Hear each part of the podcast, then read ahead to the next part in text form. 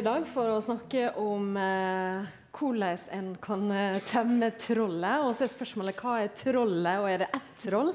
Eh, er ikke egentlig mange det, det er snakk om. Eh, og hva dette har betydning for eh, oss som brukere og for eh, norsk mediebransje.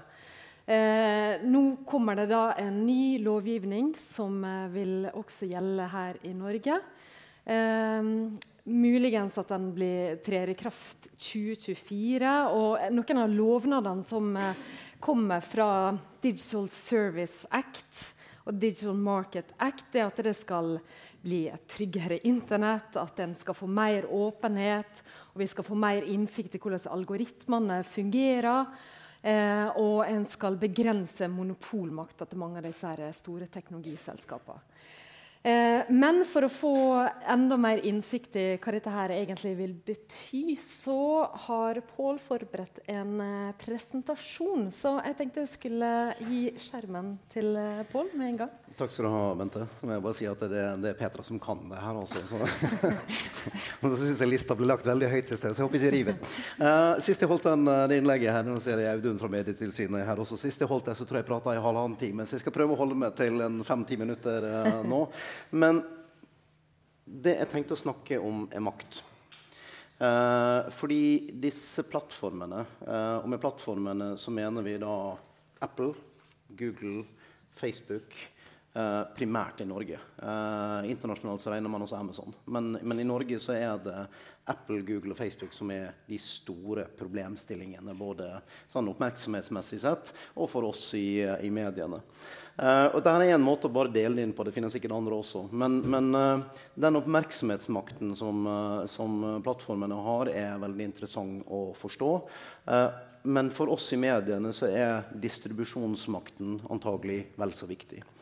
Så har vi en datamakt som uh, si, er noe som treffer oss i, i mediebransjen uh, daglig. Uh, og til syvende og sist så handler det her også om penger. jeg tror ikke vi skal være så naive og tro at det handler om veldig mye annet enn penger. det handler om økonomisk makt. Så jeg tenkte jeg skulle dra veldig kjapt gjennom disse, disse fire delene.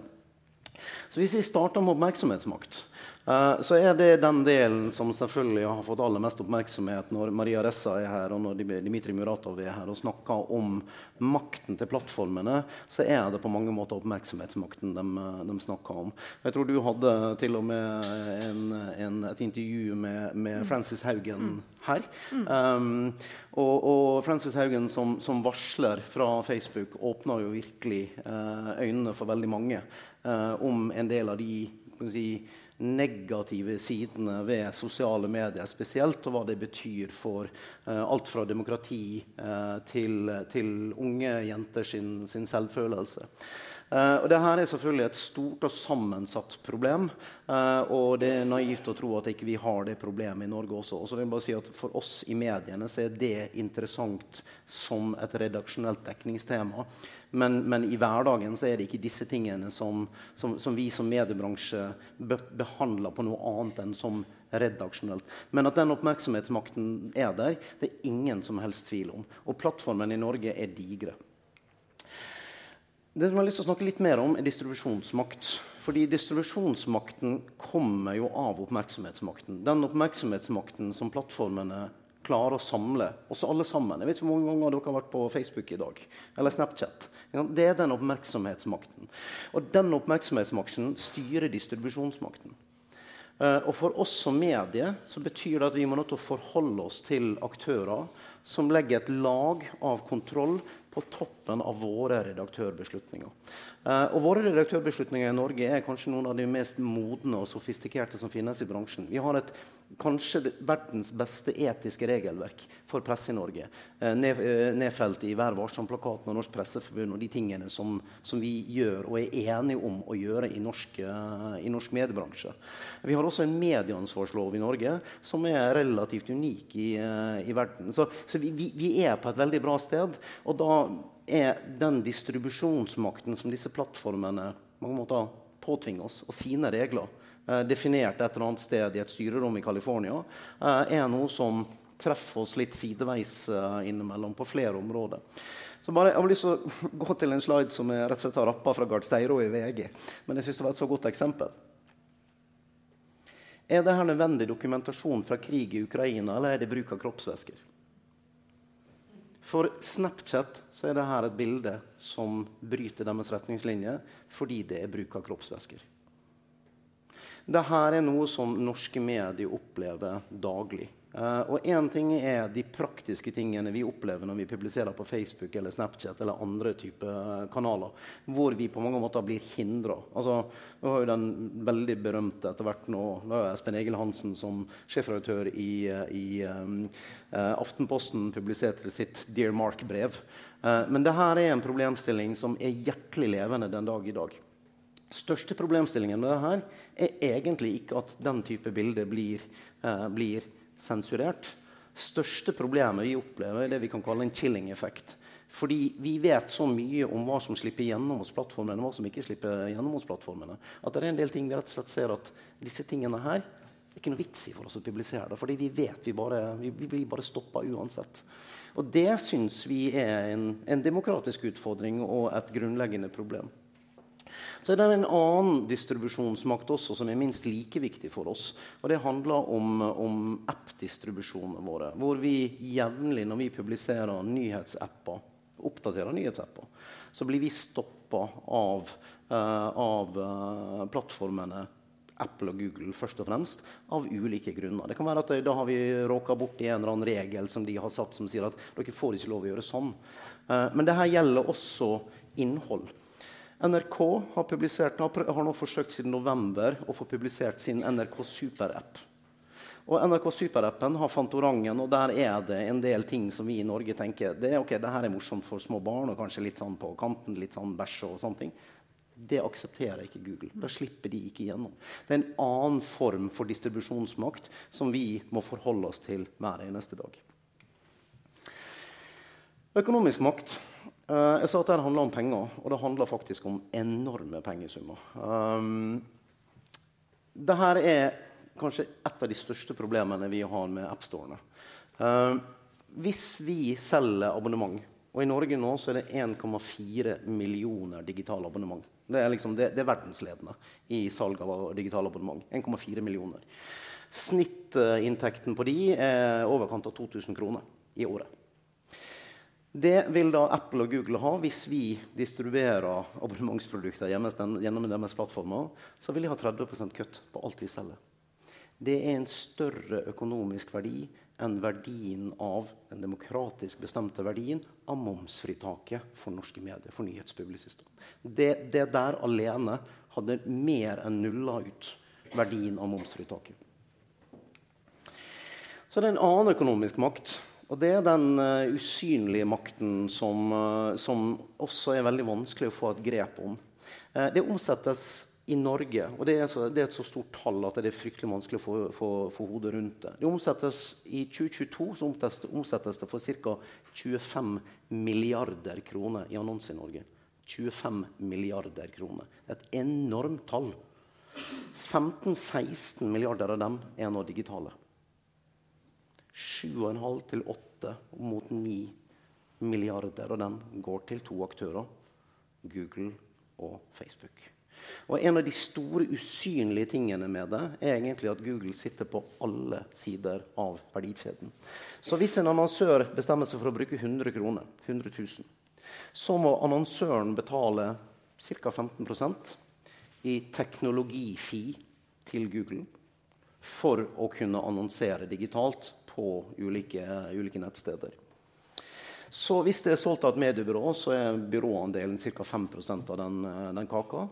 Og så er det sånn at vi bruker også teknologi fra Google for å vise annonser. Da skal Google ha 15% av det vi tjener igjen. Så av de 100 kroner som annonsøren legger på bordet, så sitter vi igjen med ca. 65.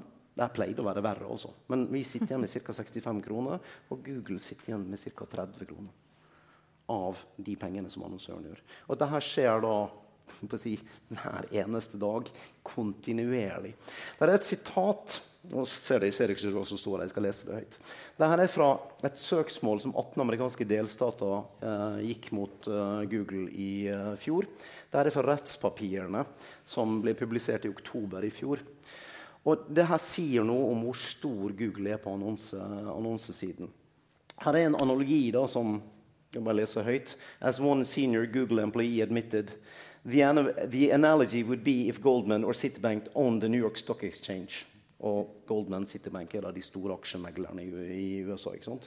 Eller mer presist så ville analogien være if Goldman og Citibank were a monopoly financial broker and owned the New York Stock Exchange, which was a monopoly stock exchange. Og Hvis vi bare oversetter det til norsk Det er som om DNB hadde monopol på aksjemegling og eide Oslo Børs, som igjen var monopol på å være børs. Det er den rollen som Google har i annonseøkosystemet.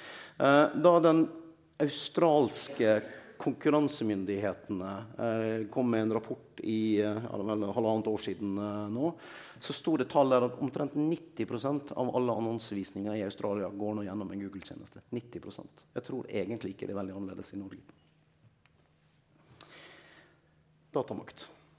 Datamakt er viktig. Og dette er en av de tingene som jeg tror Skipsted og vi har et veldig bevisst forhold til. og jeg vet en del andre har et bevisst forhold til det. Eh, hvorfor kan dere ikke logge inn med Facebook-ID eller Google-ID på noen av avisene våre? Jo, det er rett og slett fordi disse ønsker å stille seg mellom kundene våre og oss. De ønsker å ta en mellommannsposisjon hvor i praksis de kan diktere kundeforholdet på en del, eh, en del områder. Og for oss så handler det her om en av de viktigste tingene vi jobber med i mediebransjen, er datafangst.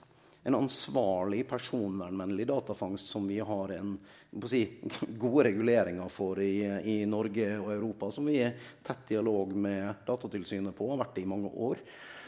Det er i praksis den de ønsker å kutte. Fordi det der gjør oss uavhengige av dem.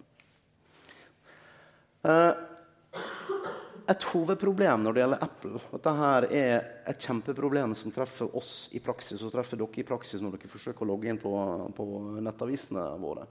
Altså de, Apple har lansert i april i fjor en tjeneste som de kaller App Tracking Transparency. Uh, den sier i praksis at dette virker, virker, egentlig ganske tilforlatelig og som en fornuftig ting. Det gir dere valgmuligheter til å si at nei, jeg vil ikke bli spora. Fint. Det, det har dere sikkert trygt på.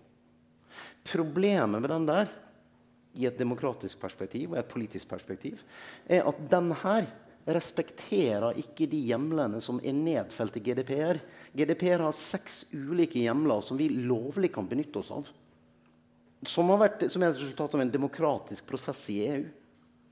Det i praksis Apple sier der, er at det, jo, jo, det er greit at dere påberoper dere å ha de hjemlene der. Eh, det bryr vi ikke vi oss om. Dere må gjøre det på den måten. Det er datamakt. Dette er det som treffer oss hver eneste dag. Og jeg tror for å være helt ærlig, ikke at vi hadde vært i nærheten av 1,4 millioner eh, abonnent, digitale abonnenter i Norge. Hadde ikke det vært for at vi har vært i stand til å benytte data eh, på en ansvarsfull og fornuftig, fornuftig måte. Så den her, da. Hvor, hvor mange av dere har klikka OK på sånne tekster som det her? Uh, Jeg bare tenkte, tenkte jeg skulle prøve å parse den for dere og forklare hva dere egentlig har samtykka til. Ja, dette er ganske viktig. Dette er når dere går inn på Google-søk før dere er innlogga. Så får dere opp den her, Hvis dere ikke vil logge inn, så får dere den teksten. og dere må nødt til å trykke 'godta'.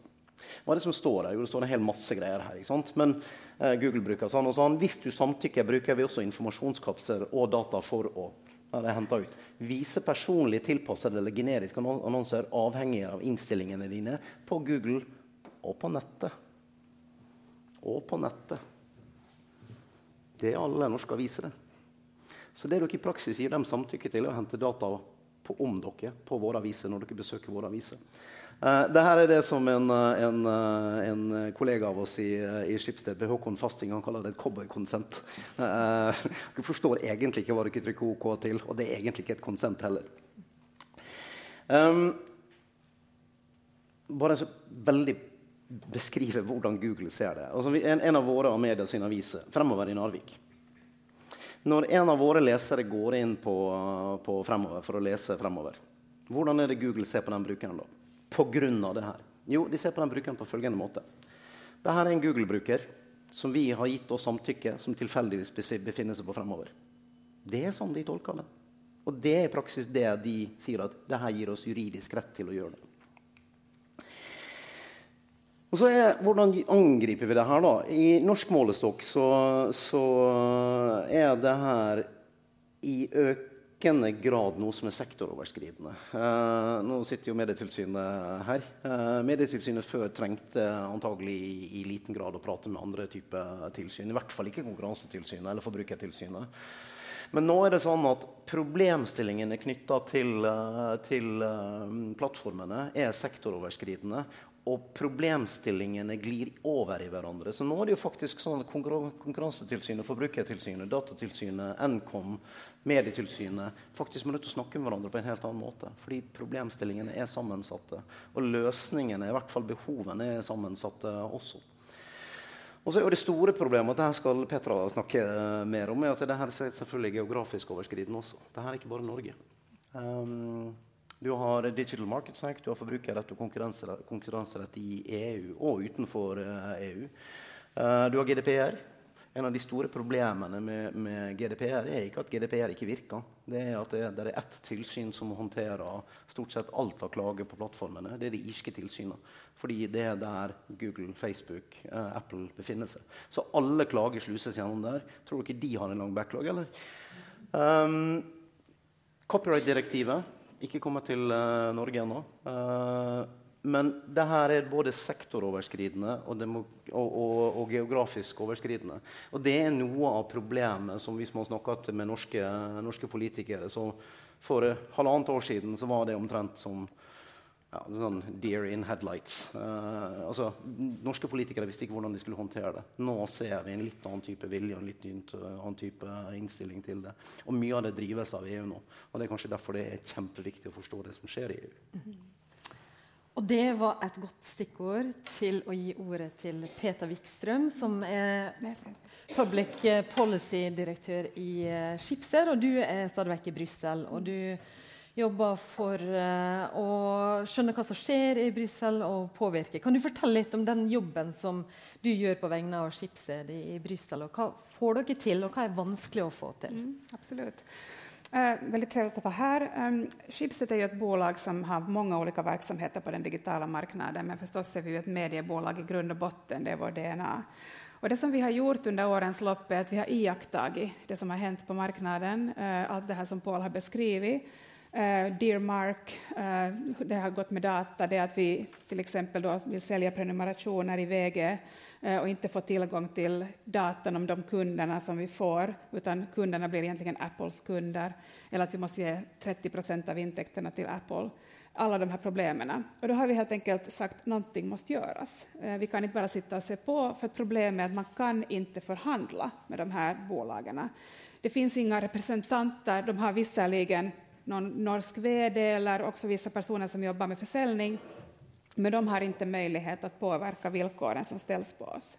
Så vi har börjat jobba med de här frågorna i Bryssel på lite olika sätt. Eh, vi börjar först med att jobba rent konkurrensrättsligt. Vi har varit aktiva inom olika konkurrenscase som kommissionen har sett på. Eh, det kanske kändaste är Google Shopping-caset, men det finns ju många andra case eh, mot Google också där vi har helt enkelt gett information om, om hur vi påverkas. Vi har också samarbetat aktivt med Spotify. Spotify klagar ju till kommissionen om Apple, framförallt hur då Apple också konkurrerar med dem inom, inom musikströmmingsmarknaden. Där har vi också kommit in med våra inspel om hur Apple påverkar publicister. Eh, men vi har också sett att de här eh, konkurrensrättsliga caserna helt enkelt inte hjälper. Google får 2,4 miljarder euro i böter och det händer ingenting. Eh, vi ser att Apple har fått ett antal klaga på sig, till exempel i Holland, där en datingapp som heter Match.com, som äger bland annat Tinder, klaga om att de måste använda sig av Apples betallösning. Och den holländska konkurrensmyndigheten var av samma åsikt som Match och har då krävt att Apple ska ändra sig. Apple ändrar sig inte, utan de betalar 5 miljoner euro i böter varje vecka för att de inte vill ändra sig. Och då betyder det helt enkelt att konkurrensrätten inte hjälper. Vad gör vi då? För det har ju varit väldigt liksom juridiskt, våra konkurrensjurister som har varit aktiva. Men vi har helt enkelt kommit till det att vi måste lobba för reglering, vi måste lobba för nya regler. Och det var väldigt svårt, ännu ska jag säga ungefär 2018, så var som du sa Paul, politikerna, framförallt i Norden, väldigt skeptiska. Vi ska inte reglera internet, vi ska ha en fri, öppen marknad, vi ska inte göra någonting för det kommer att påverka negativt innovationsmöjligheterna. Men däremot så såg vi på Schibsted att om vi inte reglerar så kommer vi helt enkelt ingen vart. Eh, vi måste hitta möjligheter att eh, faktiskt få tillgång till data. Vi måste hitta möjligheter att reglera innan konkurrensproblemen uppstår. Och det som vi har gjort och det arbete vi gör i Public Policy är helt enkelt att prata med kommissionen, förklara vad vi har för problem. Vi har då förklarat om problemen vi har med Apple, vi har pratat om problemen vi hade med Dear Mark-brevet. Och ett sätt som vi lobbade på i början var att vi tog fram en rapport som handlar om att hur vi anser att sociala nätverk ska regleras. Den rapporten presenterades ganska brett i Bryssel, både till kommissionen, men vi hade också seminarier i parlamentet och med, till många olika medlemsländer och helt enkelt försöka skapa en förståelse för att det finns problem för nordiska mediebolag och att någonting måste göras. På det sättet påverkar vi de förslag som sen kom i december 2020. Och de förslagen på Digital Services Act och Digital Markets Act tyckte vi att var relativt bra eftersom man hade faktiskt lyssnat på de utmaningar vi har. Och det handlar ju om att försöka förklara på ett enkelt sätt vad de utmaningarna är. Men sen är det ju förstås en lång förhandling som har nu pågått då, eh, och nu har vi ju faktiskt en politisk överenskommelse på både Digital Services Act och Digital Markets Act, eh, där vi ser att det har blivit till en viss mån förbättringar. Vi har fått starkare krav, framförallt i Digital Markets Act, eh, som vi kan komma tillbaka till, men vi har också tyvärr inte fått det som vi också ville, det vill säga ett skydd för det redaktionella innehållet som finns på plattformarna. Det här exemplet med VGs bild. Det har vi inte fått igenom i Digital Services Act och en av orsakerna är den att tyvärr är det väldigt svårt att reglera vad är ett medium, vad är en publicist? Vi vet vad en publicist är i Norge, vad en publicist i Ungern. Eh, och där har det varit många politiker som inte har vågat ta steget till att skydda medier, för då kanske man skyddar propaganda eller desinformation. Eh, så vi har varit väldigt aktivt med i förhandlingarna, pratat med våra nordiska regeringar förstås, och med våra hemmamarknader. Eh, och nu så ser vi fram emot att se de slutliga texterna, för de är inte ännu riktigt klara. Eh, och sen blir det en lång tid av implementering, där vi också behöver diskutera med myndigheterna i Norge, men också förstås med, med kommissionen om hur ska vi faktiskt få praktiskt någonting av det här? Kommer vi att få någonting konkret? Det tror vi, men det vet vi inte ännu. Mm. Eh, veldig bra. Eh, altså blir, vi får hørt en del eh, eh slags spånere eller eh, fortolkning av hva dette her vil medføre. Altså når vi får den nye EU-lovgivninga, Digital Service eh, Act, så har det blitt sagt at det, det skal gjøre at de største teknologiselskapene skal ta mer ansvar for skadelig og ulovlig innhold. E-handel skal bli tryggere. Plattformen skal være mer åpen om hvordan de bruker data om oss. Det skal bli lettere å klage og få fjerna innhold og få begrunnelser for hvorfor innhold blir fjerna. Ja, det, er ganske mange beskrivelser av hva dette vil bety. Men hva tenker dere er, hvordan vil brukerne virkelig merke denne nye lovgivninga som vi skal forholde oss til? Det er et godt spørsmål, da. Uh, men det sa jo det var Petra som kunne så jeg bare sender spørsmålet videre. Nei, altså, det, det er jättesvårt att säga. Vi kommer att se uh, mera information.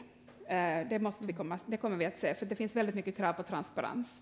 Uh, alla plattformar måste informera användarna om att man använder sig av algoritmer för att rekommendera innehåll. Eh, det kommer att finnas krav om att eh, informera användarna om att man använder sig av data när man har liksom annonsering på nätet. Det kommer att finnas krav om att ta ner olagligt innehåll. Det ska finnas möjligheter att flagga innehåll som en användare anser att är olagligt. Och då måste plattformen se till att man tar ner det och då måste man också kunna berätta varför. Eh, så det kommer säkert att bli ganska stora förändringar. Digital Markets Act däremot är ju mer mellan företag och de här plattformarna, så där kommer vi kanske inte att se som användare så mycket, eh, förutom att vi förhoppningsvis kommer att kunna betala med någonting annat än Apple Pay eh, på, på apparna, men det finns, finns många andra saker. Det ska dock sägas att de här regleringarna är helt banbrytande, och det kommer också bli ett helt nytt sätt att granska och utöva tillsyn. Eh, och faktum är att de absolut största bolagen kommer inte längre att granskas av den irländska myndigheten, eller den norska eller den luxemburgiska, utan de kommer att granskas av kommissionen. Och det här har vi aldrig sett tidigare. Så det blir väldigt intressant att se hur kommer EU-kommissionen att sköta det uppdraget. Och det ställs ju förstås mycket förväntningar. Så att, eh, svårt att säga exakt hur vi ser praktiken. Men, mm. ja. Og så ser vi at en del av argumentasjonen rundt dette her, at det, det, skal bli mer åpenhet og det skal bli mer demokratisk. Eh, men som du sier, Pål, det handler veldig mye om penger. Mm. Eh, er det det å skulle bryte opp disse selskapene sin monopollignende makt, eller er det disse andre formålene ja, som hvis, eh, ligger bak? Hvis, uh, hvis, det hadde vært uh, en prosess for å bryte Det er jo det, det søksmålene i USA går, går ut på. Det er jo å bryte opp monopol tendensene eh, som eh, ja, Kanskje mer enn tendenser, men når jeg sier at Google sitter på alle sider av bordet, så gjør de jo rent faktisk det også. Men, men det er ikke det som, som DMA og DSA handler om. Og det er jo et spørsmål i hvilken grad eh, EU har på å si, juridisk eh, på å si, myndighet over den, den konkurranserettslige monopoltilnærmingen. Altså, men noen av de tingene som nå, altså, Petra har helt rett. Det her er virkelig banebrytende, det som skjer i, i, i Brussel uh, nå. Og EU har virkelig tatt en, en, en uh, posisjon som, uh, som jeg syns er både imponerende og, og jeg har godt håp om at vil virke. Det, det som derimot, altså, GDPR var også banebrytende da den kom den har egentlig ikke begynt å virke ennå. det kommer til å ta tid. Hvordan har den ikke begynt å virke ennå? Altså, vi ser disse her eh, varslene og godkjenningene. Ja, uh, altså, tenker du på cookie? Det er jo faktisk ikke GDPR. Uh, men, men uh, altså, hvis man tenker på hva, hva, er det GDPR skal slå ned på? Det er jo misbruk av persondata. og en av de store utfordringene som har vært i Og som er en utfordring for oss alle sånn personvernmessig sånn, Når vi er rundt på nettet, så er det det som kalles databrokers som er den store problemstillingen. Google har nå på mange måter rydda opp innenfor sitt univers. Det er bare at de sitter på omtrent alle nettsteder i hele, hele verden. Men de som egentlig selger og trader data, uh, er en, en, en, kjempeproblemstilling personvernmessig sett. Og det har tatt tid før de har begynt å bli borte. Men de har begynt å bli borte bit for bit. Og i Norge så, så finnes det veldig få annonsenettverk som er en del av den typen, rett og slett. fordi på, på, et eller annet tidspunkt så måtte de bare erkjenne at vi har ikke hjemmel til å behandle disse dataene. Så, så, men det tar tid. Det er, si, hvor, hvor, er søksmålene på GDPR? Det er ikke så mange av dem. Mm. Uh, det er bare så vidt begynt å komme. Og så har du den digre flaskehalsen i Brussel, nei, i, i, i uh, Dublin, mm. som, som, som, gjør at det tar tid. Men nå begynner vi jo faktisk å se altså, En av de tingene som når vi se, følger med på annonseutviklingen digitalt, så ser vi at norske medier faktisk nå begynner å tjene ganske mye mer på digitale annonser enn det de har gjort. Altså, det begynte å løsne her i fjor. Um, og det, det, er liksom, det, er mulig å tolke det som at nå har faktisk GDPR begynt å virke. Fordi alle disse mellommennene som sto mellom oss og annonsørene Jeg viste den grafen i sted med 30 eh, pluss 5% Før så satt mediene igjen med 40, 40 av 100 kroner. Mm. Og det, det, var alle disse mellommennene. De begynte å bli borte. Uh, så GDPR har begynt å virke. Uh, og så tror jeg det er en del ganske interessante rettssaker som, som frem, vi fremdeles venter på. Som kommer til å definere ganske mye om det her. Men, men poenget er det tar tid. Så selv om vi får en DSA som trer i kraft 2024, ja, 2024 ikke sant? Mm. da trer det i kraft juridisk. Mm. Hvor mange år deretter tar det før vi begynner å se konsekvensene? Det kommer til å ta tid. Mm. Men det er banebrytende. Og mm. gud hjelpe meg, jeg er glad for at vi, vi, vi faktisk får den. Jeg tar mye heller et DMA og DSA som virker i 2028, enn å ikke ha det i det hele tatt. Ja. Det som også er interessant, er jo at uh, det her er såpass kompliserte komplicerade frågor og uh, det er veldig svårt å skrive ned i en lagtekst eksakt hvordan det skal bli. Så vi kommer også att antagligen se ganske mye tolkningsproblem som vi har haft med GDPR. Og vi kommer också att se uh, krav eller behov for riktlinjer fra f.eks. exempel EU-kommisjonen som kommer att liksom skriva och säga hur man ska tolka till exempel då hur, hur man ska eh, informera om att man använder rekommendationssystem och så där. Så det är en sak. Sen kan jag ju säga att om GDPR så det har ju också lett till den här så att säga, frustrationen om att det inte har fungerat, den har varit för långsam, själva tillsynen, har ju lett till att väldigt många beslutsfattare av den åsikten att vi ska förbjuda användningen av data helt och hållet för annonsering till exempel. Vi har ju också haft en diskussion om det i Norge. Uh, och det gör ju att, att vi riskerar med att en dålig tillsyn kan leda till regler som kanske förbjuder för oss mediebolag att eh, till exempel då rikta annonser, vilket ändå är en viktig möj möjlighet. Och som du säger, det är ju ändå det som digital annonseringen går ut på. Eh, det som vi också ser är att det kommer att finnas mer och mer krav på att göra ändringar. Eh, så att det är inte alls omöjligt att vi kommer att öppna upp, eller kommissionen kommer att öppna upp GDPR ganska snart eh, och försöka göra ändringar. Och kanske till och med, och det här diskuteras nu, flytta tillsynen av GDPR från så att säga, landet där företagen är etablerade, till exempel då Irland, till kommissionen, mm. på samma sätt som man gör i, i DSA och DMA. Vi börjar se mer och mer eh, behovet för, som man kallar för en asymmetrisk reglering, det vill säga att vi har mera regler för stora företag, mindre regler för mindre företag. Och det finns en ganska stark röst också för hela liksom, små och medelstora företag, att, och framförallt för startups, de klarar inte av att ha samma regler som de stora. Mm. Så att allt det här är ett, ett helt sätt, nytt sätt att tänka på. Och jag tycker att det är intressant att från att vi kanske för fem år sedan absolut inte ville reglera hela marknaden till att vi nu går in och gör det ganska kraftigt. og och att det finns politiker som är av den åsikten att vi ska reglera så mycket att vi ska börja förbjuda saker på nettet, nätet, mm, mm. är en ganska stor uh, skillnad. Men i Norden så har en da forsøkt å få til uh, slik at det medie, altså redaksjonelle medier sitt innhold ikke skal bli stoppa mm. av uh, Facebook, annet. Mm. At eh, hvis en har da blod, eller hva det nå skulle være for noe, mm. i en artikkel, at det ikke skal bli fjerna fra, fra, Facebook. Men det har ikke en fått gjennomslag for. Nei.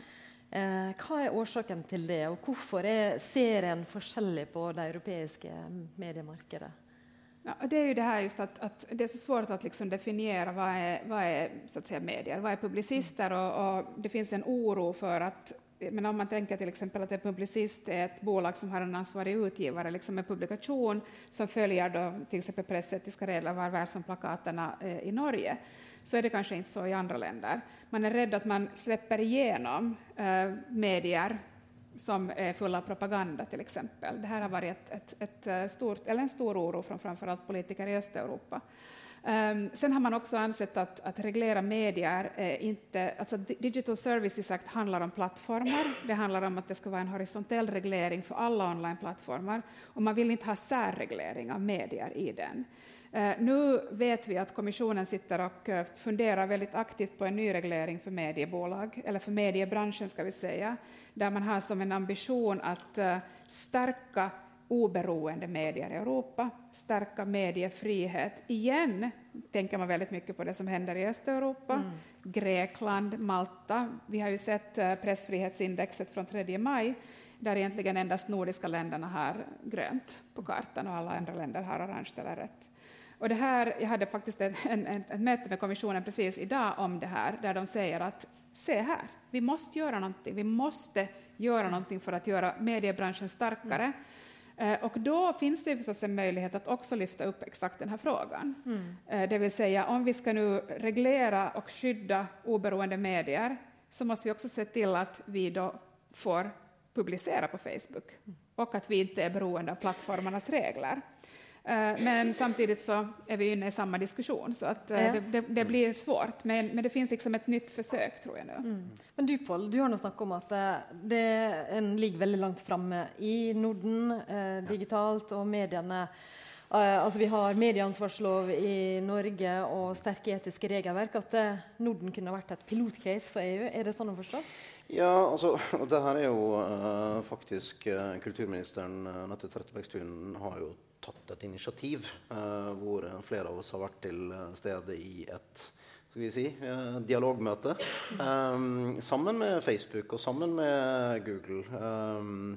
Hvor, hvor, vi egentlig har lagt frem en del av disse problemstillingene her. Og hvor, hvor ministeren på mange måter ønsker å gjøre Norge, og kanskje til og med Norden, fordi hun akkurat nå er hun, hun formann i Nordisk ministerråd, um, gjøre oss til en slags pilotregion for det vi kan kalle hvitelisting av, av redaksjonelt uh, innhold. Altså, alt innhold som publiseres i norske medier i dag under redaktørplakaten, er kvalitetssikra.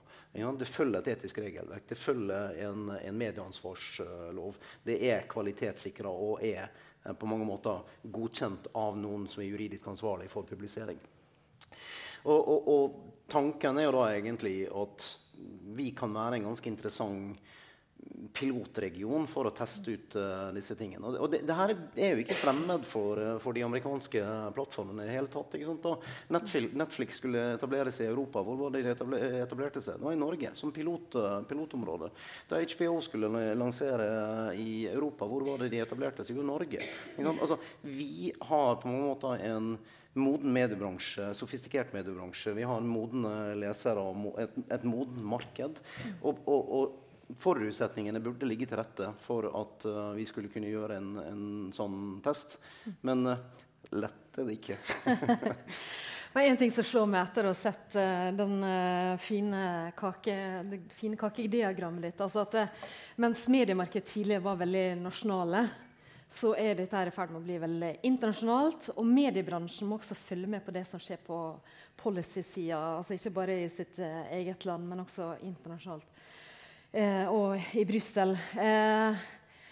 Betyr ikke dette her at eh, mediebransjen må bli opptatt av EU-debatten på en annen måte enn før? Og I Norge vi er ikke EU-medlem. Eh, hva, hva, gjør vi da, Pål? Hvordan forholder vi oss til det? Da, da, da lener vi oss på Petra. Nei, altså, altså, veldig enkelt sagt så, så er jo altså, norske medier, kanskje primært de store konsernene, eh, har jo vært nødt til å engasjere seg politisk på en måte vi aldri har vært i, nødt til tidligere. Altså, rammebetingelser har vært en, vært, altså, Politiske rammebetingelser har vært en del av virkeligheten for norske medier lenge. Ikke sant? Momsfritaket er jo fra slutten av 60-tallet for papiraviser. Men, men disse problemstillingene som vi står i nå, er tvers igjennom politiske. Uh, løsningene er tvers gjennom politiske. Um, og den, den, reisen som jeg opplever egentlig at norske politikere har vært på siden var det 2016 Facebook åpna sitt salgskontor i, i Oslo, hvor uh, daværende statsminister Erna Solberg valgte å kaste glans over den åpningen. Derfra til to år senere, hvor egentlig jeg, nå skal ikke skjære alle over en kam, altså, men, men, norske politikere egentlig ikke visste hvordan de skulle angripe det her. Mm. Til der vi er nå, da, hvor vi ser veldig mange eksempler på politiske grep fra mange steder i verden som begynner å virke. Uh, den reisen syns jeg er ganske interessant. Uh, og vi som mediebransje, gjennom MBL og, og i, i, konsernet altså Den politiske diskusjonen som vi har med politikerne, uh, den, den, tror jeg aldri har vært viktigere. Mm. Eh, vi skal etter hvert åpne opp for spørsmål fra salen, så gjør dere klar. Jeg kan bare si én ting. ja. bare si, ja, ja, vi fortsetter. Si. Altså, det her blir teknisk. ikke sant? Hva er det det egentlig handler om? Mm. handler om Hvor mange journalister klarer vi å lønne? Mm. Det handler om journalistikken vi produserer hver eneste dag. Det handler egentlig om lokaldemokrati i Norge. Uh, og Det er derfor det, det her er så forbanna viktig for oss. ikke sant? Mm. Så, så, bare sånn at jeg tenker bare, Det er verdt å minne om det. Um, når vi snakker om altså jeg tror På toppåret i Norge så omsatte i 2007 så omsatte norske aviser for 7,5 milliard kroner i annonsering, printannonsering. Noen som har lyst til å gjette hvor mye vi omsetter for nå? Nei, ok. Halvannen milliard. Halvannen milliard. Altså, det er ned fra 7,5 til 1,5 milliard. De pengene er ikke nødvendigvis bare blitt borte. Nå blir flytta over digitalt. Men altså, hvis vi regner om den summen, 5 milliarder Hvor mange journalister får du for 5 milliarder? 6000? Altså, det er det det handler om, det her. ikke sant? Får jeg bare kommentere ännu? Jag tycker det är absolut sant att, att det har varit svårt för, för, politiker i Norden och i Norge uh, att, att liksom förhålla sig till de här sakerna för att det är väldigt komplicerade frågor. Uh, och sen är det ju också förstås för Norges del svårt när man inte är ett EU-land. Uh, jag, jag, vet att Norges regering gör också sin egen lobbying i, i Bryssel och så. Eh, men det är klart att det finns muligheter möjligheter att påverka både då via branschorganisationer, som Schibsted är ju med i en branschorganisation för mediebolag, men sen har vi ju då MBL med i News Media Europe som, som Randi också är väldigt aktiv i, och eh, det är väldigt viktiga organisationer att vara med i. Och det är väldigt viktigt att mediebranschen samarbetar, mm. för att vi som Schibsted kan inte alena gå fram och säga att det här är ett problem för Schibsted. Då är de helt så att intressant, men det räcker inte, utan vi behöver prata. Och faktum är att vi pratar också med liksom public broadcasters ibland i de här frågorna, framförallt när det handlar om skydd av redaktionellt innehåll. Alltså det handlar inte mer om att det är ett kommersiellt medium eller en, ett liksom public service, utan det handlar om att det är vi mot de här enorma makterna. Så att jag tror väldigt mycket på att samarbeta och försöka hitta det, att vad är det viktiga för oss? Och eh, det att vi faktiskt nu har, har gjort det här tillsammans så, så gör att vi, framförallt med DMA, har kommit till en, till en bra lösning, tror jag. Mm. Altså, vi har fått høre at noen av eh, de effektene den lovgivninga skal eh, medføre, er at en skal få mer åpenhet rundt algoritmene. Hvordan disse selskapene prioriterer. Hva det løfter opp, hva de eh, begraver litt. Eh, altså, jeg må be dere spekulere. Altså, vi har lest også artikler om at det, Facebook vet ikke sjøl hvordan dette virker. De har ikke fullstendig oversikt over hvordan algoritmene virker, og hvordan mekanismene eh, slår inn på hverandre. For det er ikke snakk om én algoritme, det er mange. Altså, hva kan vi, hva kan vi vente oss å se Altså Som et resultat av den lovgivninga, hva type åpenhet er det vi kan forvente av disse eh, teknologiselskapene? Ja, Det er jeg spent på, jeg også. ja. Nei, altså, i, i, noen tilfeller så handler det om hva slags signaler du fôrer beistet med. ikke sant? Mm. Altså Hvilke ting er det du vekter på, hvilke ting er det du vekter på. Men, men, det er jo helt riktig at en, en, en, del av det som ligger i maskinlæring, er det som man, man kan kalle deep learning. ikke sant? Hvor egentlig algoritmene bestemmer selv uh, hvordan, uh, hvordan uh, utfallet blir. Fordi den, den lærer mønster og sier liksom at Bente sin atferd skal gjøre at du skal få disse tingene. Men det er da si, store datamengder som er, er selvlærende på noe vis. men no, noe som, som, som, vi har lært ganske mye om etter hvert også, handler jo egentlig om at treningsdataene er helt avgjørende. Veldig enkelt sagt. da. Altså, hvis, hvis, dere skulle trent en, en datamodell som, uh, som predikerte uh, neste, Amerikas neste president, så ville den treningsmodellen spytta ut at det var en eldre hvit mann. Uh, rett og slett fordi treningsdataene er sånn. Uh, og Det er noe av problemet og noen av de etiske problemstillingene knytta til maskinlæring. også. Altså, du har masse eksempler fra, spesielt fra USA hvor treningsdataene på bildet, bildegjenkjenning er, er hvite. Uh, og uh, mørkhuda rett og slett ikke klarer å, å tolke fordi treningsdataene er feil. Uh, og det er en del sanne type ting tenker jeg at vi kan få en mye tydeligere åpenhet rundt. Mm. Og så er det ikke noe tvil heller om at disse algoritmene kan vektes av forretningsmessige vurderinger mm. og forretningsmessige behov. Mm. Uh, jeg tror kanskje det er en av de tingene som jeg i hvert fall håper at vi vil få en mye større tydelighet på. Da. Det er at det er faktisk ikke noe uh, objektivt i algoritmene. Det, de, de, de kom, resultatet blir på mange måter de vektene du putter inn der. Mm. Og hvis du er på jakt etter forretningsmessige verdier, engasjement f.eks., så er det det du får i andre enden. Mm. Vi får eh, se kanskje i 2024-2025 eh, hva slags åpenhet vi får rundt algoritmene. Og kanskje vi også får mer åpenhet rundt norske medier sine algoritmer. Eh, men jeg tenker vi åpner opp for eh, spørsmål fra, fra, salen hvis det er noen som har noe dere vil eh, stille til panelet.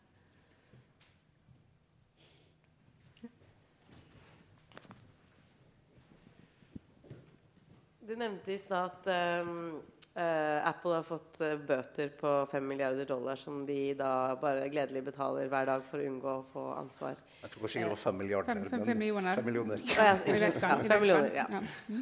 Um, I den nye reguleringen, hvordan skal man sørge for at ikke det bare blir flere bøter, men at det faktisk er effektive sanksjoner som møter disse selskapene sånn at de faktisk etter gir etter disse reguleringene, og ikke bare fortsetter å betale fordi de tjener så mye på det? Men det är exakt en väldigt bra fråga. för att Främsta sanktionen i Digital Markets Act, som kanske är den viktiga när det kommer till de här, så är ju böter. 10 procent av omsättningen. Så det är väldigt mycket. Jag menar, det har vi ju liksom I de här domstolsfallen så har, har man ju inte använt sig av liksom en sån parameter, utan det har sagt ett, ett visst belopp. Och jag menar, det som man har i Holland är ju ganska litet. Um, så att det tror man ju att ska, ska avskräcka. Samtidigt så finns det också faktiskt inbyggt andra möjligheter. Så att man talar till och med om att man kan öppna upp för en sån structural separation. helt enkelt. Att om det här inte hjälper så kan man då liksom börja kräva att man ska eh, så att säga, splittra bolagen. Um, men sen tror jag det, det är liksom väldigt svårt för, för de här företagen att, att helt enkelt säga vi kommer inte att göra någonting för att det här är lag. Eh, de kommer säkert att försöka utmana det i EU-domstolen, alldeles säkert. Eh, jag vet att kommissionen har väldigt ofta möten med framförallt Google. Google har redan sagt att de kommer att, fylla, eller att uppfylla många av de här reglerna. Apple däremot har inte gjort det. Och det har, vi förstår att det blir, kommer att bli problem med Apple. Um, men det handlar också om någon slags prestigefråga, för att det har blivit så pass uh, stor fråga det här nu att jag tror att, att både Facebook och Google har förstått att man kan liksom inte hålla på så här längre. Man måste börja göra ändringar. Um, så att jag tror att det finns många olika möjligheter att, att få till det. Um, men uh, det kommer att bli svårt. Uh, och framförallt så tror jag att det kommer att bli mycket tolkningar innan man så att säga ser att exakt vad det blir. Men vi tror ju att en av de viktigaste för oss handlar just, just om det här att, att DMA säger att man får inte kräva en betallösning. Man måste öppna upp för andra. Det vill säga, när vi då ska sälja någonting i en app så ska vi kunna ta betalt via Vips eller kreditkort och det betyder att då har Apple eller Google inte samma kontroll eftersom vi kan få liksom in data från ett annat håll. Så det är den ska jag säga, absolut viktigaste eh, frågan och eh, det tror jag nog att vi kommer att eh, få igenom. men sen handlar det mycket om det här transparensen och sånt mm. som är svårt att veta hur det blir. Så att, mm. Det var spørsmål. Eh, tusen takk for veldig interessante presentasjoner. Og det er jo Når man sitter liksom, som et uh, lite enkeltindivid i Norge altså, Jeg ser hvor nærheten til den store verden da, og behovet for en strengere regulering det, det, bygger jo på nettopp den mangel på tillit til at aktørene vi her snakker om, har, tar etiske, gode Eh, valg. ikke sant? Det handler, og Da skal innskrenker man mulighet for valg ikke sant? i form av regulering. Mm. Det er det vi sikter oss inn mot. da. Men burde vi også ta debatten hvordan påvirker det oss lokalt? liksom, om At det skal ha liksom, en, et regelverk som skal sikre oss eh, Har vi grunn til at, å videreføre mangel på tillit? For her har vi jo ganske stor grad av tillit til eh, medieaktører, som bl.a. Skiptvet. Eh, jeg har fått en sånn øyevekker selv, for jeg er akkurat i prosess med å selge et hus. Det er første gang jeg selger bolig. Og se hvor mye makt Finn-annonsen har rundt et boligsalg. Det er, der ligger sentrum og oppmerksomheten. Der ligger mediemakten for å, å selge et hus. Eh, og for å være ærlig så er jo veldig mange annonsene her veldig fake. Så jeg fant jo at litt sånn lav selvtillit kanskje når det kommer til interiørdesign, er nettopp den effekten som sa 'jente med dårlig selvtillit'. Ja, eh, boligeier med dårlig selvtillit etter å ha vært inne på finn.no. Så eh, liksom eh, Bør vi være liksom mer kritiske også til aktører som er mer nærme oss selv? da? at dette her viderefører oss og påvirker oss også pga. lokale valg. Og kan effekten av dette regelverket også innskrenke da, et etisk ansvar lokalt? Absolutt. Jeg syns det er en veldig bra fråga. Og, og, det er jo selvklart at, at ingen skal få være så, så mäktig och så stark att man trycker ut konkurrensen. Det är ju helt klart. Sen är det ju också så att, att det är för företag viktigt att kunna bygga upp sina tjänster och, och kunna använda data till att göra så bra tjänster som möjligt som folk vill använda. Jag menar, för vår del så handlar det mycket om att, att vi eh, försöker verkligen ha diskussioner med datatillsynen, vi har diskussioner med konkurrensmyndigheterna liksom regelbundet om hur vi ska förhålla oss till de här reglerna. Eh, och problemet är bara det att, att ofta är de här reglerna ändå så att säga, standarden sätts på global nivå. Det vill säga det som Google gör och det som Facebook gör anses på marknaden att det kan man göra. Så länge som inte så att säga, eh, någon har sagt att det får man inte göra. Och det är därför vi på Schibsted driver väldigt hårt det att tillsynen av GDPR måste bli effektivare. Vi behöver de här olika rättsfallen för att det ska liksom säga vad är tillåtet och inte tillåtet. Förstås diskussion med datatillsynen, men vi behöver också få de så att säga, globala eh, rättsfallen helt enkelt för att sätta standarden. Problemet är att när den inte, jag menar, en sak som, som um, har drivits ganska mycket i DMA handlar just om det här med att samla data, som, som du var inne på. Att uh, man då kan samla som Google till exempel data från sina egna tjänster och kombinera, man söker kartor och så, det är ju bra. Men sen samlar man in data från hela internet. Och det gör ju inte till exempel Schibsted, det har vi inte någon möjlighet att göra. Och då blir ju liksom nivån på innehållet, nivån på datan helt annorlunda. Så att vi tycker att det är viktigt att vi hittar något som är mer jämlikt, att vi alla fungerar på samma sätt, med samma villkor, än att det är så att, att vissa gör vad de vill. För da gjør det så at resten av marknaden også gjør hva de vil. Å snakke om det lokale er vel et stikkord for det også. For, for dere, altså I A-media så har dere massevis av lokalaviser som allikevel må forholde seg til de, eh, det de internasjonale eh, teknologiselskapene gjør, og EU-lovgivning. Eh, mm. Hvordan påvirker det lokalavisene? Um, nei, altså, det, det, er jo, det er rammebetingelser som vi, vi jobber, jobber, under. Altså, de tingene som jeg snakka om i sted, gjelder jo like mye på å si, øyene på Tjøme utenfor Tønsberg som det gjelder VG og, og Finn. Altså De samme reglene gjelder jo, og de samme utfordringene eh, gjelder. Så, så, det, så, sånn sett så er det ikke noe veldig stor, uh, stor forskjell. Men, det, men det, det, som er forskjell Nå er vi et stort konsern, uh, men frittstående lokalaviser Uh, har jo ikke ressurser til å jobbe med disse tingene her. Og da, da er kanskje ekstremt viktig med en bransjesammenslutning, en bransjeorganisasjon som MBL, at vi faktisk er i stand til å forvalte interessene selv til den minste familieeide avis på et eller annet uh, si, sted i en eller annen fjordarm på Vestlandet. ikke sant? Um, fordi, fordi ma mange av disse tingene vi snakker om her, er ganske krevende og, og arbeidsintensive og krever altså, altså Amedia er et sånt stort konsern. Vi har ingen Petra. altså, det, det sånn, du, du, kan liksom gå ned. Da, og vi sitter med masse, masse, ressurser som de som er mindre enn oss. Uh, la oss ha Mentormedier, som er et, også et konsern. De har ikke de ressursene vi har. Men, men, de samme kreftene virker på oss alle. Uh, og, og, og, veldig mye av disse tingene bestemmes nå i Brussel. Mm. Uh, vi må begynne å runde av, for Petra skal til Stockholm, mm. og det er viktig å rekke flyet. Men eh, helt avslutningsvis, eh, hvis dere kan si veldig kort, hva er det viktigste dere gjør nå framover? Den ene viktigste tingen dere gjør nå framover for å temme trolla? for vår del så handler det veldig mye om at eh, faktisk sett se till att det finns ett förtroende för medierna eh, och att, när man, att vi kan använda oss av olika kanaler för att nå ut till eh, våra läsare eh, överallt i Norge och i våra andra länder. Att vi har kontroll över vårt eget innehåll eh, och att vi kan skapa innehåll som vi vet är relevant för våra läsare, för er alla.